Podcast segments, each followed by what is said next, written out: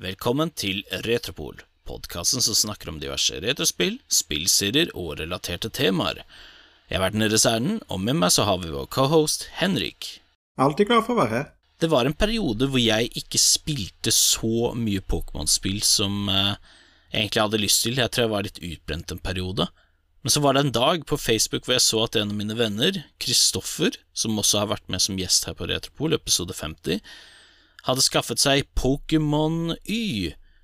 Og da slo det meg en tanke sånn, vet du hva? Pokémon, jeg husker det egentlig var veldig gøy, jeg hadde lyst til å spille det igjen. Og man, for en positiv overraskelse det var. Ja, altså Jeg var jo glad i Pokémon, jeg. Jeg hadde jo Pokémon Diamond og Pearl som det første Pokémon-spillet som jeg eide, når jeg fikk DS-en. Og så spilte jeg jo gjennom Black and White og holdt på lenge med det. Og da var jo X og Y det nye spillet jeg så fram til, for jeg hadde jo en 3DS, og det første året med 3DS var ganske tørt, kan må jeg jo si. Det var jo ikke før de seinere at det begynte å komme masse spill til han. Så jeg var jo litt sånn og venta, og plutselig så viste de det sånn første trailere av 3D, og det, min reaksjon var jo Hei, Pokémon er endelig i 3D! Yay! Det er jo kanskje det som var nytt med dette her, når det kom på en mye kraftigere spillkonsoll, nemlig 3DS.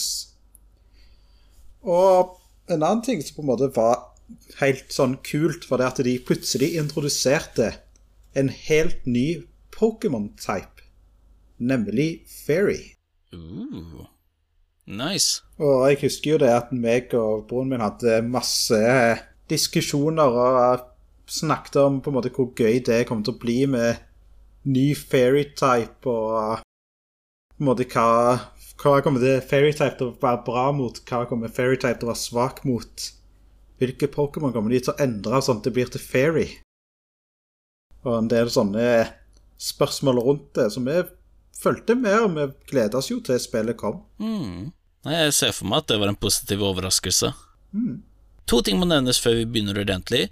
Jeg er mest kjent med Y, så jeg kommer til å referere til spillet fremover som Pokémon Y. Det andre, det er at eh, hvis du ikke For de som ønsker å få en refresher på hvordan Pokémon fungerer, anbefaler vi å høre på episode 43, hvor vi snakker om Pokémon Ruby og Sapphire. Så sammenlignet med andre Pokémon-spill, hva, hva slags gimmicks er det dette spillet introduserer? Hva, hva er det som er nytt? Altså, dette spillet introduserer en del gimmicks. Litt, du har litt sånne forskjellige typer gimmicks i forskjellige Pokémon-spill. Litt sånn som for eksempel eh, Golden Silver hadde gimmicken med dag og natt i spillet. Pokémon Ruby og Sapphire introduserte et double battle, men det ble jo en mainstay. Og så hadde du på en måte Diamond og Pearl som gikk videre på Beauty Contest, som òg var med i Ruby og Sapphire. Black and White hadde triple battle og litt sånne ting, som på en måte var gimmicken i det spillet der. Mens eh, i Pokémon X og Y så hadde du Pokémon Ami, som var en slags eh, egen sidegame der du kunne leke med Pokémon, mate de og på en måte vaske de når de ble skitne. Og så hadde du òg Pokémon Ami sin sånn training mode, der du kunne trene stats til Pokémon så de fikk bedre stats når de skulle bruke de i battle seinere. Ellers vil jeg jo si at eh, hovedgimmicken i dette spillet er noe som heter Mega Evolutions. Mega Evolutions det var jo da muligheten til å utvikle Pokémon ett stadie til. Fordi som regel så er jo det tre stadier som er maks. Da har du for eksempel Squirtle, Wartortle, Blastoise. Men plutselig så har du Mega Blastoise. Og det var sånn wow. Det her var jo stilig. Hmm. Og da tok de jo alle mulige Pokémon og gjorde de mye bedre sånn design-wise. Og det var egentlig bare litt sånn kult å se hvilke Pokémon de hadde bestemt seg for å velge Mega til å begynne med. For du hadde på en måte en del sånne åpenbare Pokémon som Gen 1-startere. Med det at du hadde Mega Charizard, Mega Blastoise, Mega Venusaur. Du hadde til og med to typer Mega Evolutions for Charizard og Mewtwo. Og så hadde du jo ting som Beedrill. Hæ? Jo, Beedrill har en Mega Evolution. Skulle ikke tro det. Du hadde Pidgeot hadde en Mega Evolution. Du hadde en Mega Evolution av eh, Absalon. Du hadde jo til og med sånn eh, He-Man Eller sånn skikkelig sånn eh, Du vet den der PC Master Race-fyren? Sånn langt, sånn hvitt hår. Det hadde jo det på Ampharos. Så hadde du også Mega Guard War og Mega Metagross.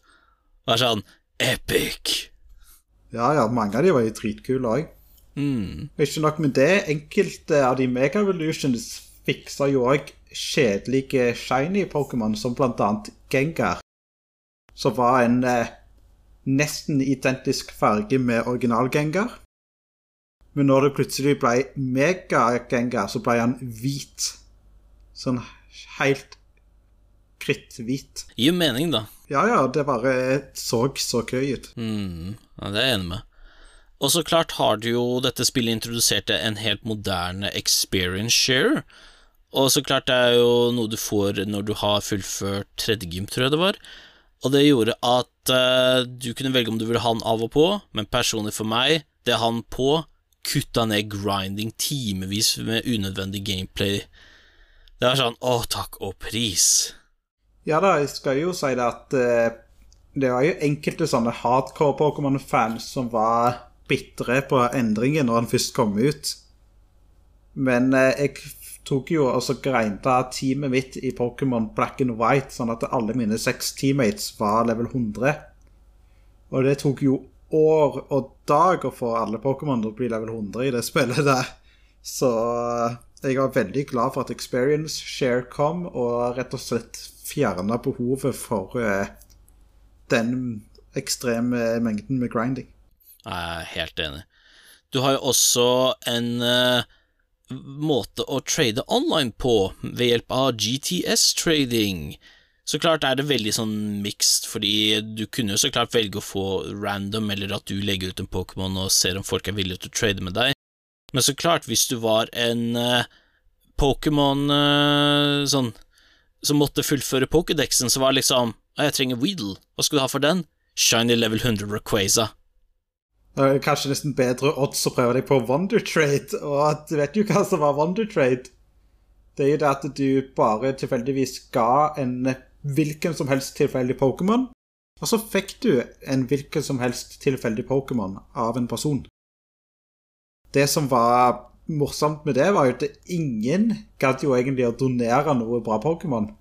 Alle bare farma sånn fletchling eller eh, de svakeste Pokémon i første område, og bare sendte massevis av dem i håp om å få en shiny Mewtwo. og bare sitte der timevis og bare Ok, nå Nei, det, det, er nesten, det er nesten heller bedre å gå til en sånn der lottobutikk og bare spille på en sånn uh, spilleautomat. Jeg tror nesten det er høyere odds for å vinne noe i pantelotteriet. Men så klart det er ikke det eneste du kan gjøre, for du kan endelig ha en ordentlig interaksjon med Pokémonene dine. Og en ting som òg kom på som dette spillet òg faktisk hadde, og det er noe jeg bare kom på nå, det er jo det at eh, Visste du at dette spillet her har voice chat? What? Faktisk. Det kunne Det er jo mikrofon i 3DS-en. Så du kunne faktisk, når du starta trade med folk, velge å aktivere voice chat. Og hvis du ønsker en fasitsvar det var helt forferdelig. Det er så ekstremt dårlig mikrofon i 3DS-en at det bare blir sånn Hei, Henrik. Hva sier du til at vi rekorder resten av episoden på denne måten her? Eller? Dette er excellent lydkvalitet for alle de som hører på. Dette er definitivt ikke irriterende nå. Enough for that. Vi skal ikke ha walkietalkie-kvalitet her. Med mindre vi har en krigsepisode, men det, det er off topic. Ja, I så fall så er det mye greiere å bare bruke voice-filter. Så hvis du hadde veldig søt Pokémon, eller en veldig kul en, og du ville si liksom Hei, du, takk for hjelpen, eller du er awesome, da er liksom Så lenge du har interaksjoner med dem, mater dem, eller leker med dem, eller hva det nå måtte være, da er det sånn at hvis du da spiller sånn combat med Pokémon etterpå, da vil det være sånn at de faktisk holder ut kamper bedre, eller slår mer critical hits. Og det er sånn Hei! Det er ikke bare for å kose med det, men det har faktisk nytte for spillet. Ja, men det var jo bare i singleplayer, og det funka ikke i competitive, forstår de nok. Jeg ser den. Og spillet tar jo plass i Colors region. Og Colors region er jo da faktisk inspirert på Frankrike. Og det vil du se det når du vandrer rundt i de forskjellige byene, at eh, du har veldig sånn Frankrike-inspirert eh, gameplay med det at eh, for første gang så kan du velge hudfarge på karakteren du spiller som. Og du kan òg velge å kle de som du vil. Du har masse butikker som du kan gå inn i og endre både hairstyle, hårfarge og hvilke klær du skal ha. Hvis dere vil få råd til alt, tips grind Elite 4 over and over and over again. Du får masse penger ut av det. Men jeg syns jo at det var på en måte litt sånn kult at du endelig kunne lage Pokémon Eller lage traineren din mer enn den der standardavataren som var i tidligere spill. Selv om noen av standardavatarene var ganske så ganske greie ut, da. For eksempel May. Ja da, jeg likte jo alltid designet til Dawn og sånt. Når det kommer til story eller annet rundt dette spillet, så tror jeg Henrik har mer kontroll på det enn meg. Så vær så god, Henrik. Ja, altså, storyen til Pokémon X og Y var ikke på en måte det samme narrative toppnivået som det Black and White var. Det var scala tilbake, egentlig. Men eh, den nye organisasjonen som er skurken i dette spillet her, kaller seg for Team Flair. Og de ønsker da å vekke en sovende Pokémon, som de ønsker da å kontrollere. De har muligheten til å enten kontrollere Pokémon av liv eller Pokémon av død, som da er Cernias og Evoltall. Spillets to signaturlegendariske. Cernias da er jo en bukkeaktig Pokémon, mens Evoltall er en flyvende skapning som da er, representerer døden. Mm. Fun fact, uh, de legendary, inkludert Zygarde, det er faktisk basert på norrøn mytologi. Å oh, ja. Mm. Bare søk det opp hvis dere ikke tror på oss. Og det er liksom Jeg tror Da jeg hørte om det, så var det sånn At ikke Pokémon har laget flere sånn Nøkken eller Troll-Pokémon, eventuelt en basert på Huldra, liksom. Ja da, Pokémon er jo går jo fremdeles den dag i dag, så du vet aldri når de kommer. Og sånn sett så fører det jo deg rundt Carlos og sånn sett så er det jo mange kule plasser i Carlos. Det er for mye sånne strandsoner, du har en sånn fin sånn isverden med fantastisk bra musikk. Og så har de jo på en måte den der store centerpiecen, som da er Lumios City. Lumios City er jo da bygd i senteret av Kalos-regionen eh, og er inspirert av Paris. Med dette det navnet heter Lumios, som betyr lys, og Paris er jo kalt for lysens by. Og så har jo du, ser du jo flere sånne landemerker i Lumios City som er veldig likt Frankrike, inkludert og en svær sånn Pokémon Tower, som er basically en Pokémon-modell av Eiffeltårnet. I senteret av Carlos. Det overrasker meg ikke. Jeg føler det er nesten en sånn klisjé. Sånn, den eneste måten folk vet at det er Frankrike, er hvis du ser Eiffeltårnet sånn Å, det er Paris! Det betyr det er Frankrike. Han, han, han. Men en annen ting, Henrik, som jeg kom på nå jeg glemte å nevne litt i starten, det er Vet du hva annet som er så spesielt med dette spillet? Hva da? Det første Pokémon-spillet jeg tror jeg har klart, og noensinne kommer til å gjøre, hvor jeg har 100% fullført Pokédexen.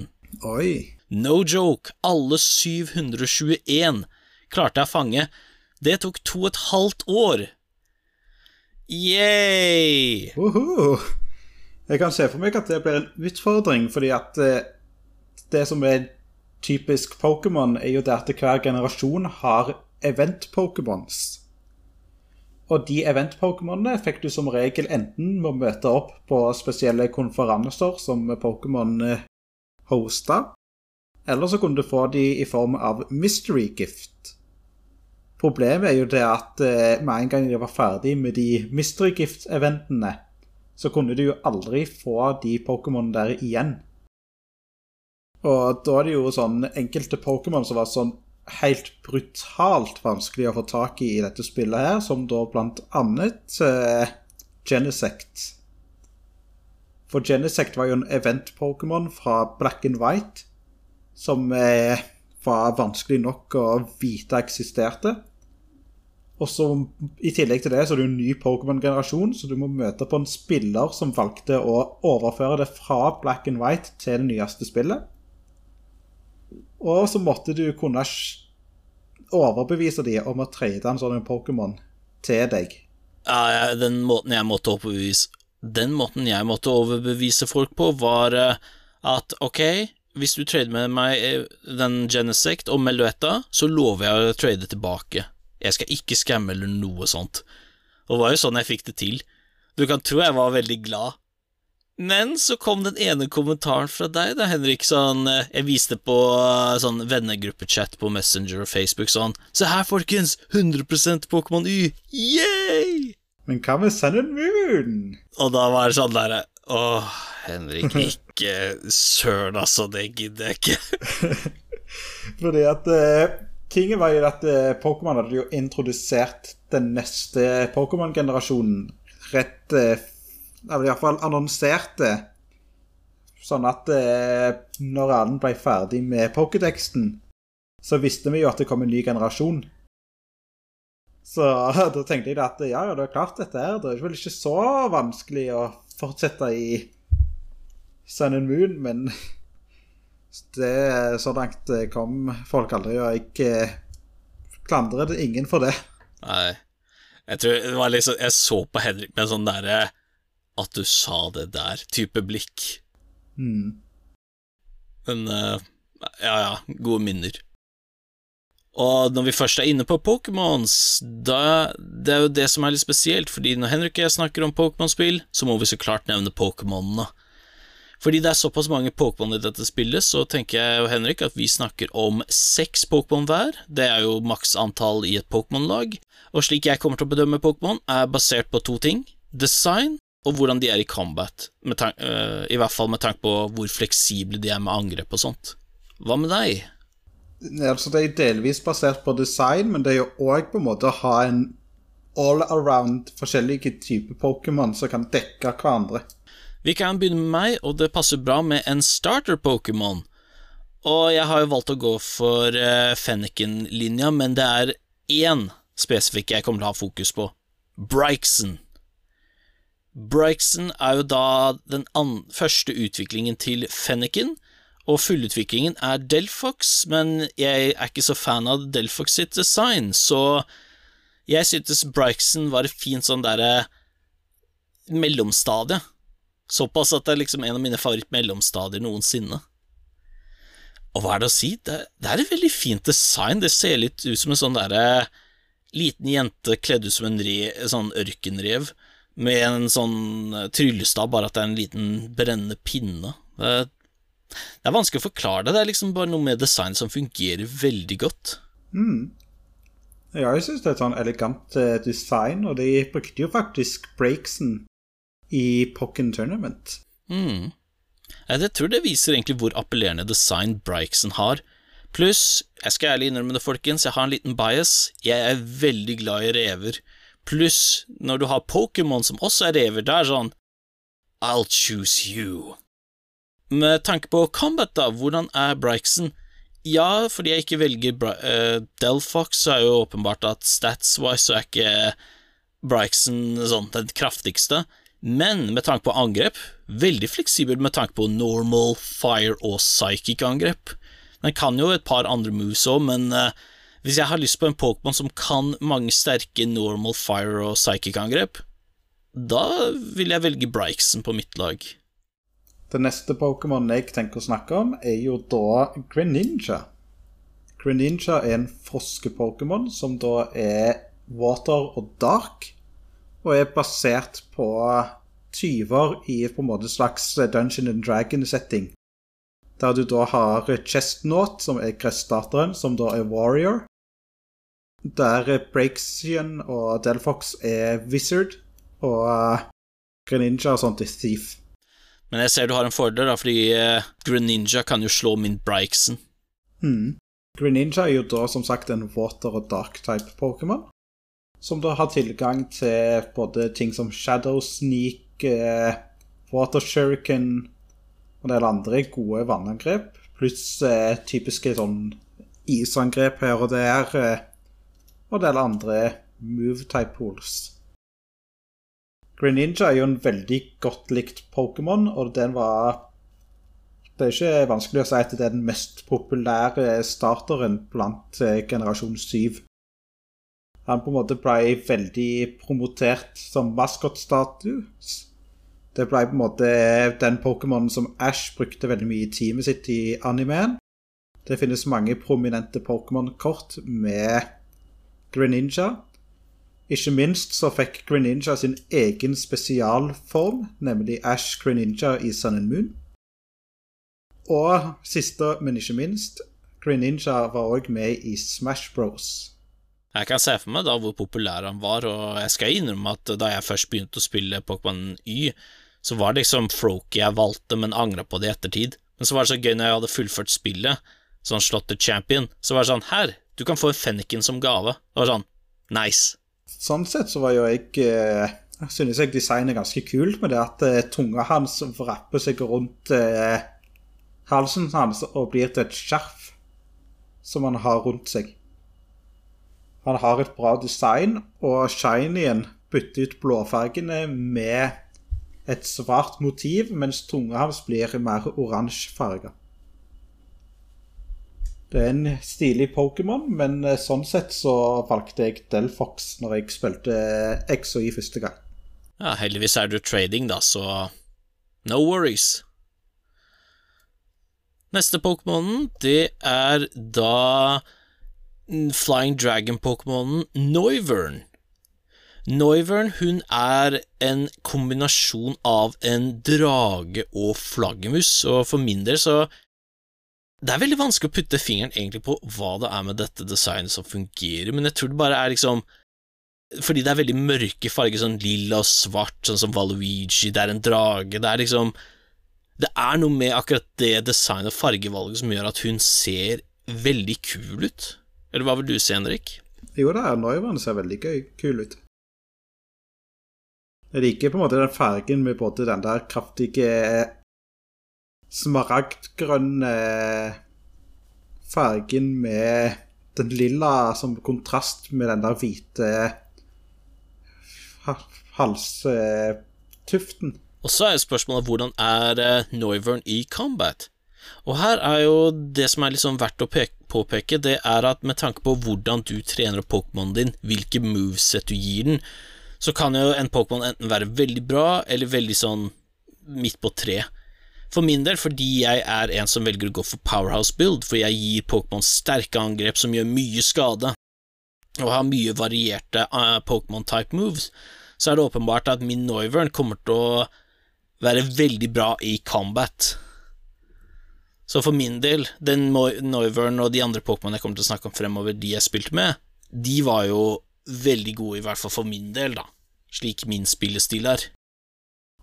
Den neste Pokémon jeg tenker å snakke om, som var veldig promotert gjennom XOI sitt lifespan, er da Sylvian. Sylvian er da en fairy-type Pokémon som en utvikling til Evie. Du utvikler han, og jeg sier han fordi at det er 80% sannsynlighet for at alle Evy er male. Så oddsen er større for at han er male. Så er det sånn at eh, du må bli, lære Evy en fairy-type move. Og så må du bli glad i deg. Og du får Evy til å bli glad i deg med at du bruker tid med Pokémon i noe som heter Pokémon Ami. Pokémon Ami er en slags eh, Tamagotchi-aktig side mission, der du kan gjøre alt fra å pette Evien til å gi den mat. Ta og bade når den blir skitten. Og så har du en tillegg da en sånn en annen modus der du kan trene stats på Pokémon med hjelp av sports-minigames, der du bl.a. skal slå ballonger, og du kan slå fotballer og alt mulig sånne ting. Og du på en måte bruker det til å gjøre Evie til å bli glad i deg, og da kan den utvikle seg. Det er viktig å påpeke at du bør ha en fairy-type Pokémon-move, for hvis du da får en Evie til å bli glad i deg, og du da prøver å utvikle den på dagtid, så kan det fort være at det heller blir en Espion i stedet for en Sylvian. Og hvis det er på nattid, så blir det en Umbrian i stedet for en Sylvian. Sånn sett så er Sylvian òg en special attacker, som da fokuserer på special attack. Statsa er for så vidt eh, greie, men du har tilgang til en god del kraftige fairy-type moves, som bl.a. Dazzling Gleam og Moonblast. I tillegg så har du jo tilgang til normal type moves som Hyperbeam, Hypervoice, Dark sin Bite og andre sånne moves som du kan lære av Pokémonene. Utenom det så er jo jeg veldig stor fan av designet til Sylvian. Den er rosa farga med masse ribbons som tar oss og beveger seg langs rundt Pokémonen. Og det er egentlig ganske sånn brutalt eh, hvordan de ribbonene egentlig fungerer. Men det at eh, en Sylvian vrapper ribbons rundt en Pokémon, og så bare suger han livskraften ut av andre Pokémon gjennom ribbons. ja, jeg skjønner at du har ikke lyst til å ta på de båndene. Mm, så det er litt sånn eh, artig greie som Gamefreak gjorde med Fairytype. De er enten veldig rare eller veldig søte, og de er ofte Det er ikke sånn at de feene er sånn umiddelbart gode. De er ofte veldig mischievous. Så det syns jeg Gamefreak gjorde litt kult. Med de fokuserte veldig mye på folklore. Eller folketellinger. Mm. Nei, jeg ser den. Da er det min tredje Pokémon på laget, og dette er jo Pokémon Y sin signature legendary, og som er på boksarten på spillet. Det er ørne-pokémonen Ivaltal, som er dark flying type. Ivaltal, den er en stor, sånn svart, eh, mørkerød farget ørn, og den har jo en sånn signature move, jeg husker dessverre ikke hva den heter i farten, men det er sånn at den eh, Oblivion Wing heter det. Oblivion Wing, thank you. Da er det sånn at den flyr høyt opp i lufta, skyter ut en laserstråle på folk, og så suger inn eh, livskraften, så du healer deg sjæl så vel som angriper move som det syns jeg alltid er superkult, så stort pluss. Det er liksom For meg så bare ser Ivaltall veldig kul ut. Det er liksom noe med rød og svart får ting til å se veldig sånn badass ut med en gang. Og så har du den der fjærkragen på toppen som er sånn blåaktig. Mm. Men vil du vite noe morsomt? Hva da? Når den er shiny, så ser den ut som bacon. Hæ? Ja, den er hvit og rød, og da er det sånn første gang jeg så den, no joke, jeg bare tenkte Er det der bacon? altså, det, det, det, ser jo faktisk Når du påpeker det nå, så ser det jo faktisk ut som bacon, fordi at vingene er jo, ser jo ut som bacon strips, og når det er hvitt, så ser det jo bare ut som alt det fette. Så ja, det er basically bacon. Ja, jeg angrer litt på i ettertid at jeg ikke bare kalte denne Pokémon for uh, stekt bacon eller et eller annet. Så hva kan denne Pokémon for slags angrep? Med tanke på at den er flying dark, så blir jo dette her min flying dark eh, attacker eller tank i gjengen.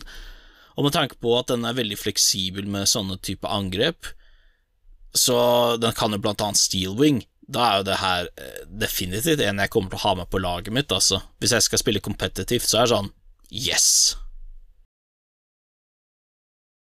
Men ok, det var min legendary. Hva med Har du en legendary da, Henrik? Yes, jeg har X sin signatur-Pokémon, nemlig Cernias. Cernias er da en mystisk bukke-Pokémon som er pure fairy-type. Cernias, når du ser han forifra, ser ut som en X, med at eh, bein, forbeina er spredt utover, og den har horn som òg sprer seg utover til å forme en X. Cernias sin eh, special ability er noe som heter geomancy, som er basically et superkraftig buff-angrep som buffer både special attack, speed og special defense. Som gjør da at eh, du får mer attack, du blir mer tanky, og du er raskere. Og Cernias da har jo tilgang til de fleste sånne fairytype move, som da blant annet eh, Dazzling Gleam, Geomancy som sagt, og Moonblast. Men i tillegg så har jo den tilgang til, typisk, til flere psychic-aktige angrep, og en hel haug med forskjellige små sånne grassangrep her og der og sånt. Ellers er jo Cernias en ganske kul eh, Pokémon òg, men eh, har ikke så mye å si enn at jeg liker på en måte det at eh, horna på siden lyser veldig opp. Så det ser ut som det er sånn glød fra horna til Sørnias. Mm. Jeg kan se appell for din del. For meg så var liksom Cernias aldri den Pokémon som liksom appellerte til meg. Ja, den er blå, men det var liksom Når jeg så Ivaltal, så var det liksom Oh, Ivaltal. Jeg kjøper Y. Jeg kjøpte jo òg Y, men jeg kan ikke snakke om Ivaltal, jeg òg. men uh, Combat, da? Hvordan er Zernias? Jeg har egentlig ikke brukt Cernias så veldig mye i combat, men det er en sånn all around uh, bruker med mer fokus på special attack og special defense enn ren physical attacker som det evil-tallet. Mm. Da er det min fjerde i laget, og før jeg røper hvem det er, så må jeg fortelle en litt sånn historie. Det er når jeg spilte Pokémon Y, dette var etter jeg hadde fullført Champion og kunne utforske andre områder jeg ikke kunne før nå, så var det en hule, jeg drev og lette og utforska, jeg var litt sånn nysgjerrig på å se oh, kanskje jeg finner noen kule items. Og så hadde jeg ganske få pokéballer igjen, for jeg hadde fanget andre Pokémon jeg trengte. Og så plutselig så ser jeg en stor, grønn, svart slange. Og jeg bare Oi, dette her må være en legendary. Så det er sånn Å, herregud, skal jeg bare ta så håpe på det beste nå, eller skal jeg bare gå og kjøpe pokéball Nei, vet du hva, jeg må ta det nå, jeg har ikke lyst til Når jeg først har den, så vil jeg ikke ah, Lagre. Ok, here we go. For den Pokémonen, det var Zygarde. En, en annen legendary i uh, Pokémon Y. Zygarde er da en jeg vil beskrive som en stor kobraslange, og det er noe med at selv om jeg ikke er fan av den type grønnfarge Zygarde har, så er det liksom akkurat med hvordan Zygarde er designet, så føler jeg at jeg kan gjøre et unntak, for han ser bare så utrolig stilig ut. Ja da, jeg har òg likt eh, designet til Zygarde, og én ting som jeg på en måte var egentlig nesten litt skuffa over, overraskende nok, var rett og slett det at eh, jeg håpte nesten at den skulle være ground og poison i stedet for ground og dragon. Men det gjør den bare enda sterkere. Det er sant. Så Det var på en måte på det tidspunktet der at eh, du hadde jo Rayquaza, det var Dragon. Så du Diamond og Pearl, Dialga Palkia var Dragon. Du hadde Sekrom og Reshuram, som òg var Dragon. Så hadde veldig mange drage-legendary, så jeg var jo glad at hoved-Pokémon ikke var det. Da var det sånn Trenger vi enda en Dragon Legendary? Men eh, sånn sett så er jeg enig i det at Zygarde er veldig kul design. Mm. Og så hvordan er Zygarde i combat? Ja, som jeg har nevnt tidligere, avhengig av hvordan du trener noe angrep du gir den. Den her kan bli en veldig sånn powerhouse, med tanke på at den er dragon og ground. Gjør dette her om til en veldig sterk og solid Pokémon å ha med på laget. Den har få svakheter, egentlig. Det er bare et vel fairy dragon og Ice som gjør noe særlig skade på den. Ellers så resister han ganske mye, inkludert Electric. Siden den er dragon, så tåler han vann ganske bra. Og på en måte det at er ground er jo uansett bra, for Earthquake er jo kjempebra mot både fire og steel. Jeg føler jeg har gjort et godt valg med Zygarde.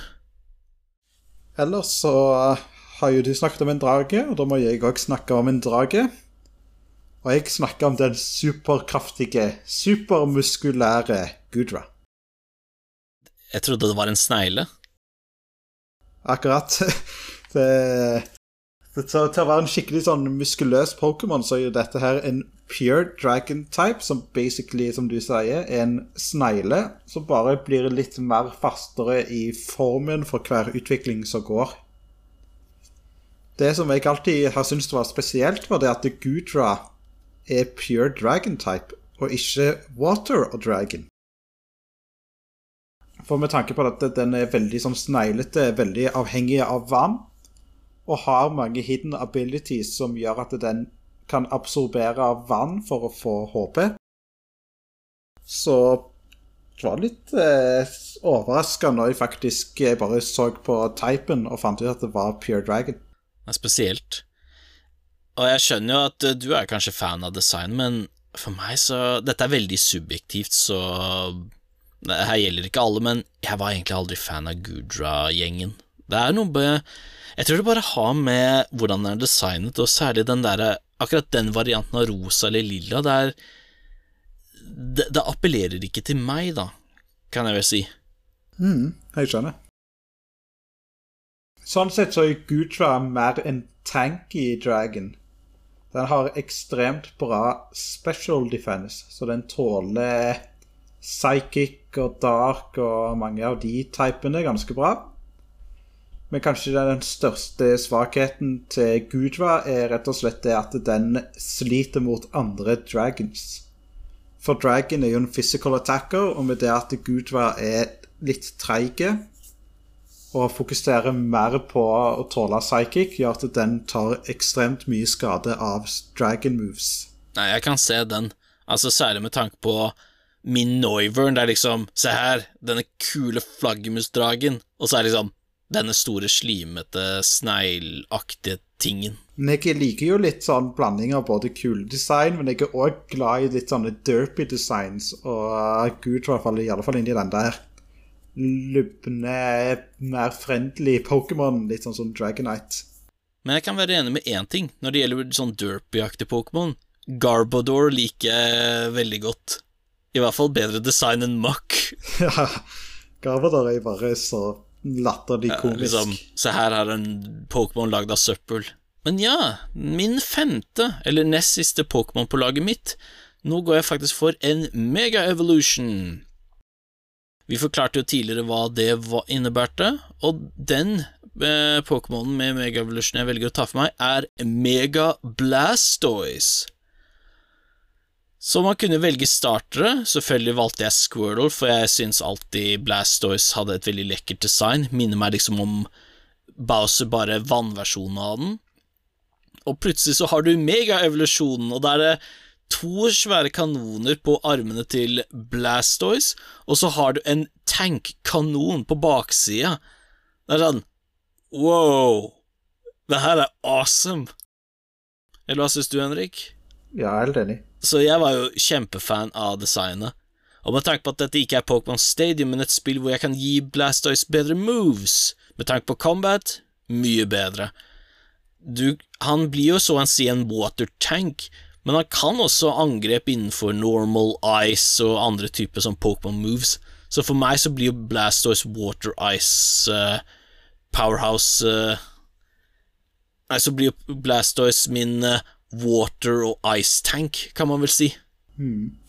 Det eneste skuffende egentlig med Mega Blastoise var det at når de programmerte Hydropump så programmerte de det at det skulle spåne rett foran Pokémon, rett med der som hodet er.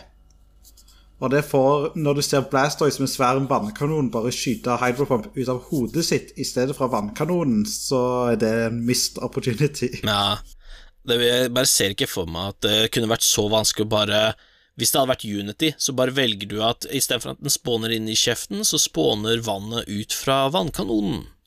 There. Og det ville tatt mm. uh, ja, hvor lang tid? Kanskje noen få minutter maks? De gjorde jo det i Pokémon Stadium på Nintendo 64, så det hadde ikke vært vanskelig å gjøre det i ja. XY. Minimal effort. Ja, så hva er din nest siste Pokémon, Henrik? Jo, det er òg en Mega Evolution. Du vet jo det at uh, Gamefreak har ofte lagt inn en sånn en uh, bonusevent med en gang spillet kommer ut. En sånn en slags uh, Hvis du kjøper spillet tidlig, så får du en ekstra Pokémon når du starter spillet. Men du kan bare få det når du kjøper det innen en viss dato. Ja. Og det var jo tilfellet med Pokémon X og Y, at eh, når du kjøpte det fra 2013 til sånn mars Jeg tror det var sånn februar eller mars 2014, så kunne du få med deg en special Torchic med en eh, Blaziken Evolution Stone. Ooh. Da tok du og utvikla Blaziken, så kunne du aktivere Mega Evolution, og Blaziken ville da utvikle seg til Mega Blaziken. Hmm. Og du kan se for deg hvor kraftig Blaziken var til vanlig. Med det at den hadde speed boost hver runde som gikk. Bare se for deg at du har en Blaziken med enda mer stats. Det var jo broken som bare det. Ja, jeg kan se at uh, Blaziken uh, Den ble jo plutselig enda sterkere, men uh, Henrik har en fordel, da. Mega Blasters er vann, slår ild, så ha, jeg slår din, ass. Ja da. Men uh, utenom det så er jo Mega Blaziken et veldig kult design. Det var jo klart et uh, lokkemiddel som funka for å få folk til å kjøpe X og Y. Og så var det jo en slags teaser for uh, på en måte Omega Ruby og Alpha Sapphire som kom ut året etterpå. Hmm. Betrakt på combat, da? Jo, den er jo en veldig fokusert physical attacker, så du vil jo prøve å bruke ting som blaze kick, close combat og Jeg vet ikke om man kan lære close combat, men uh, iallfall uh, fighting moves. Og så er det jo sånn at han får speed boost hele veien. Så det er rett og slett at han har så mye attack at du prøver å ta ut uh, Pokémon med fighting moves. Som er hovedstrategien. Og da har vi havnet til min siste Pokémon på laget. Nå har vi jo Jeg har jo så å si valgt mange sånn dyraktige skapninger, altså rev, flaggermus, ørn, slange, skilpadde. Men hva med et spøkelsesaktig skapning, rett og slett ikke er et dyr, men en ting? Det jeg har valgt, er Ghost Steel-type-pokémonen Damocles uh, Nei, vent, unnskyld, det var feil. Uh, Aegislash. Aegislash er jo da et hjemsøkt sverd med et skjold. Det er da en del av Honage-familien. Det går jo da fra ett sverd til to sverd, og så plutselig et stort sverd, gullsverd med et skjold. Og ja Jeg angrer litt i ettertid på at jeg ikke kalte den her for Damokles, men uh, off topic. Altså For min del, jeg bare syns det er noe med Altså Gullfargede ting bare ser kult ut generelt, og ja, det er litt vanskelig å putte fingeren egentlig på hva det er, men Aegislash har et design som bare fungerer. Ja, det ser veldig kult ut. Og så er det ganske sånn interessant at du kan bytte mellom defensive stance og attacking stance. Mm. For de som lurer på hva det innebærer, i et øyeblikk, hvis det er defense, så har den sverdet skjoldet foran seg. Hvis den er i angrepsmodus, da holder den skjoldet på sin venstre arm og har eh, høyrehånda si fri, men den bruker jo til å kutte ting med, så Som blir jo et slags ekstra sverd. Med tanke på combat veldig god. Altså, det er jo en grunn til at dette her er en av de mest populære, i hvert fall med tanke på competitive. Med Aegislash, hvis du gir den riktig moveset og trener den godt nok, så får du en skikkelig powerhouse. Og Steel var jo en utrolig bra typing, med tanke på det at Steel var supereffektivt på Fairy. Og det er få ting som egentlig gjør veldig mye skade på Steel, som da du måtte ha enten fighting, eller så måtte du ha fire eller ground. Hvis da Aegislash har levitate, så er jo ground ubrukelig.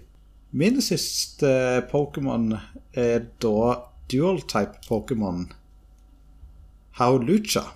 Jeg forventa en skikkelig sånn derre Oh, what's this super big grand Pokémon? Den er jo en veldig sånn grand Pokémon. Det er jo basert på sånne meksikanske wrestlere. Det er jo en skikkelig fighting champ. Har jo sett det. hver har jo en egen sånn maske over seg. Han har eh, hender som har sånne fjærdrakt på seg. Superflashy. Å ja, sånn der macho libre eller luchador-aktig Litt sånn som Bane, på en måte. Yes. Ja, da så. Det er jo da på en måte en kul kombinasjon med å ha flying og fighting. For flying er jo supereffektivt på fighting, og så har du på en måte da i tillegg en sånn kombinasjon som du egentlig ikke ser for deg så ofte, men er likevel en veldig bra kombo. Mm. For flying er jo supereffektivt på både gress, det er supereffektivt på fighting. Så du dekker jo de to, og i tillegg til det så har jo flying normalt sett vært veldig svak mot ting som eh, steel. Men da har du jo Og i tillegg så er du jo svak mot ting som rock. Men plutselig så har du fighting. Så Haulucha har jo mulighet til å ta ut eh, både Avalug, som er Ice-type Pokémon, som gjør skade på flying. Du kan ta ut eh, den der Tyrannosaurus rexen, som da er sånn stein. Og så I tillegg så har du mulighet til å ta ut stil med fighting. Så det er veldig bra counter til alt som er, er normalt sett veldig bra mot flying. Ja, jeg ser den. Personlig så Dette er jo igjen også veldig subjektivt av meg, men det var liksom Jeg var ikke sånn superfan av Halucha når jeg først så han. Jeg tror det bare var liksom Å ja, ok. Men eh, måten du forklarte han på nå, da, er liksom wow, ok, det gjorde han faktisk litt mer interessant. Pluss, jeg trodde virkelig dette var en generasjon 5-Pokémon. Ja, den har veldig den der viben som eh, Den ser ut som noe som kunne vært i generasjon 5, jeg er enig i det. Det er litt sånn med en del sånn generasjon 2-Pokémon som er sånn Hæ, var det i generasjon 2? Spesielt sånn eh, Houndoom og uh, den eh, Skarmory. Ja, særlig Skarmory, som jeg trodde var en del av generasjon 3. Men ja, da er vi ferdig med lagene våre. En kjapp oppsummering. Ærenlaget består av Brixen, Noivern, Iveltal, Zygarde, Megablastoise og Aegislash. Henrik sitt lag består av Greninja, Sylveon, Halucha, Gudra, Megablaziken og Zernias.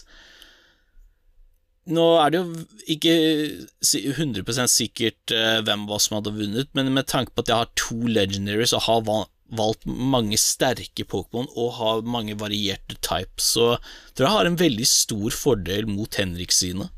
Ja da, men du skal ikke undervurdere min uh, typing-team allikevel. Jeg har en del variasjon sjøl. Bortsett fra svakheten med dobbel fairy fra Sylvian og Sernias. Ja, men jeg ser at uh, Greninja kommer til å slå Brixen, men Megablasters kommer til å slå Megablaziken. Så da blir, liksom, ja, da blir det opp til de fire andre, da, som må dra lasset. Mm. Men ja Med tanke på hvilke andre ting vi likte med spillet, soundtracket er utrolig bra. Det var liksom Jeg hadde ikke forventet sånn derre Sånn, ok, det er kanskje et average Pokémon-soundtrack. Du hadde noen sånn OK-låter, en del bra, og så har du de gullkornene, vet du. Sånn, En av de låtene jeg liker kjempegodt, er den derre